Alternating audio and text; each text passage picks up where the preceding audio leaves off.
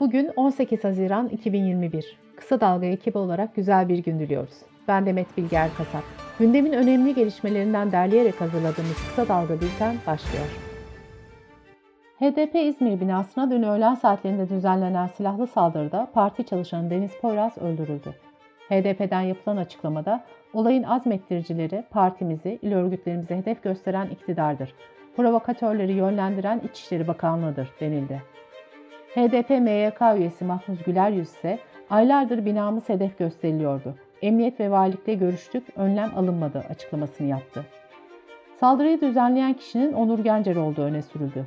Gencer'in sosyal medya hesabından Suriye'den silahlı fotoğraflar paylaştığı ortaya çıktı.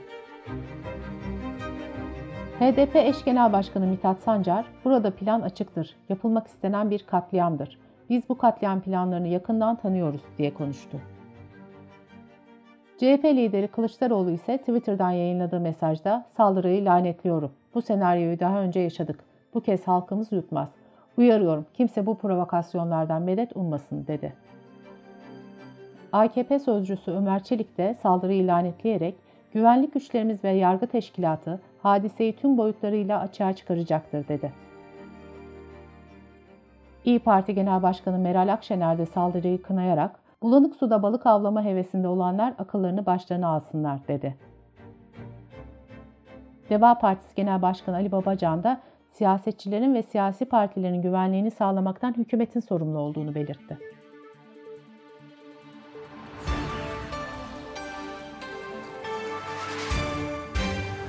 İçişleri Bakanı Süleyman Soylu, Sedat Peker'den 10 bin dolar alan siyasetçinin mevcut milletvekillerinden biri olmadığını aktararak bu kişinin ismini Ankara Cumhuriyet Başsavcılığına bildirdi.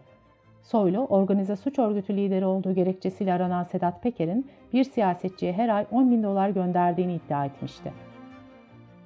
Sedat Peker ise benim 10 bin dolar yolladığım bir milletvekili yok ama daha çok yolladıklarım var yanıtını vermişti. Pandemi nedeniyle uzaktan eğitim yoluyla başlayan 2020-2021 eğitim öğretim yılı bugün sona eriyor. Yaklaşık 18 milyon öğrencinin karneleri 18 Haziran'dan itibaren e-okuldan erişime açılacak.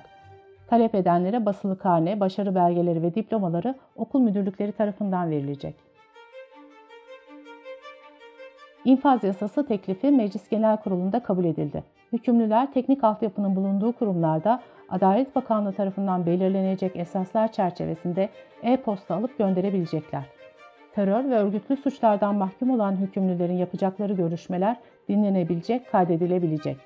Kadın hükümlünün 15 yaşını doldurmamış çocuğunun bulunması halinde infazının ertelenmesine ilişkin madde ise metinden çıkarıldı.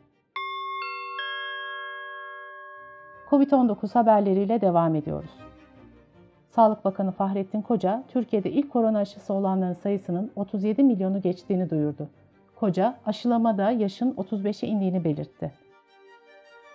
İngiltere'de Delta varyantı adı verilen ilk kez Hindistan'da görülen koronavirüs mutantının hızla yayılması nedeniyle vaka sayıları artıyor. Hükümetin yaptırdığı veri analizlerine göre 3 Mayıs-7 Haziran tarihleri arasında vaka sayısı %50 arttı.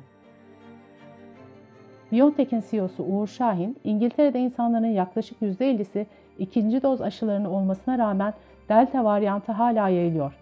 Eğer dikkatli olmazsak bazı bölgelerde dördüncü dalgayla karşılaşabiliriz uyarısında bulundu. Fransa, Türkiye'yi seyahat kısıtlaması içeren kırmızı ülke listesinden çıkardı. Turuncu ülke listesine alınan Türkiye'den Fransa'ya gidenler için ilk 10 günlük karantina zorunluluğu da kaldırıldı. Sırada ekonomi haberleri var. Merkez Bankası Mart ayında 200 bas puanlık artışla %19 düzeyine yükselttiği politika faizini değiştirmedi. Merkez Bankası son 10 yılda politika faizini %6.25'ten %19 yükselterek %204 arttırdı. 10 yıl önce bugün dolar 1.58, euro ise 2.27 TL idi. Geçen dönemde dolar TL paritesindeki artış %444, euroda ise %357 oldu.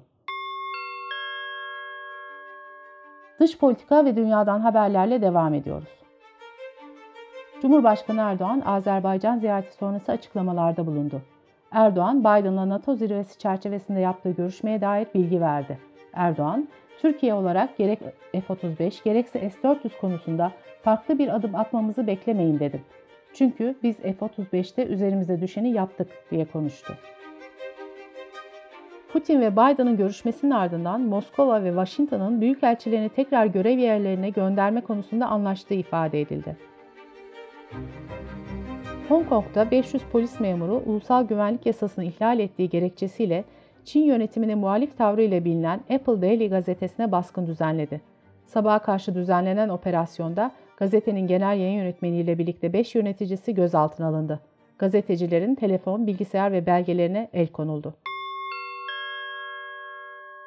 Bültenimizi kısa dalgadan bir öneriyle bitiriyoruz. Beril Eski Annelik Teknolojileri Podcast serisinin ikinci bölümünde yumurta dondurma konusunu ele alıyor. Kısa Dalga.net adresimizden dinleyebilirsiniz.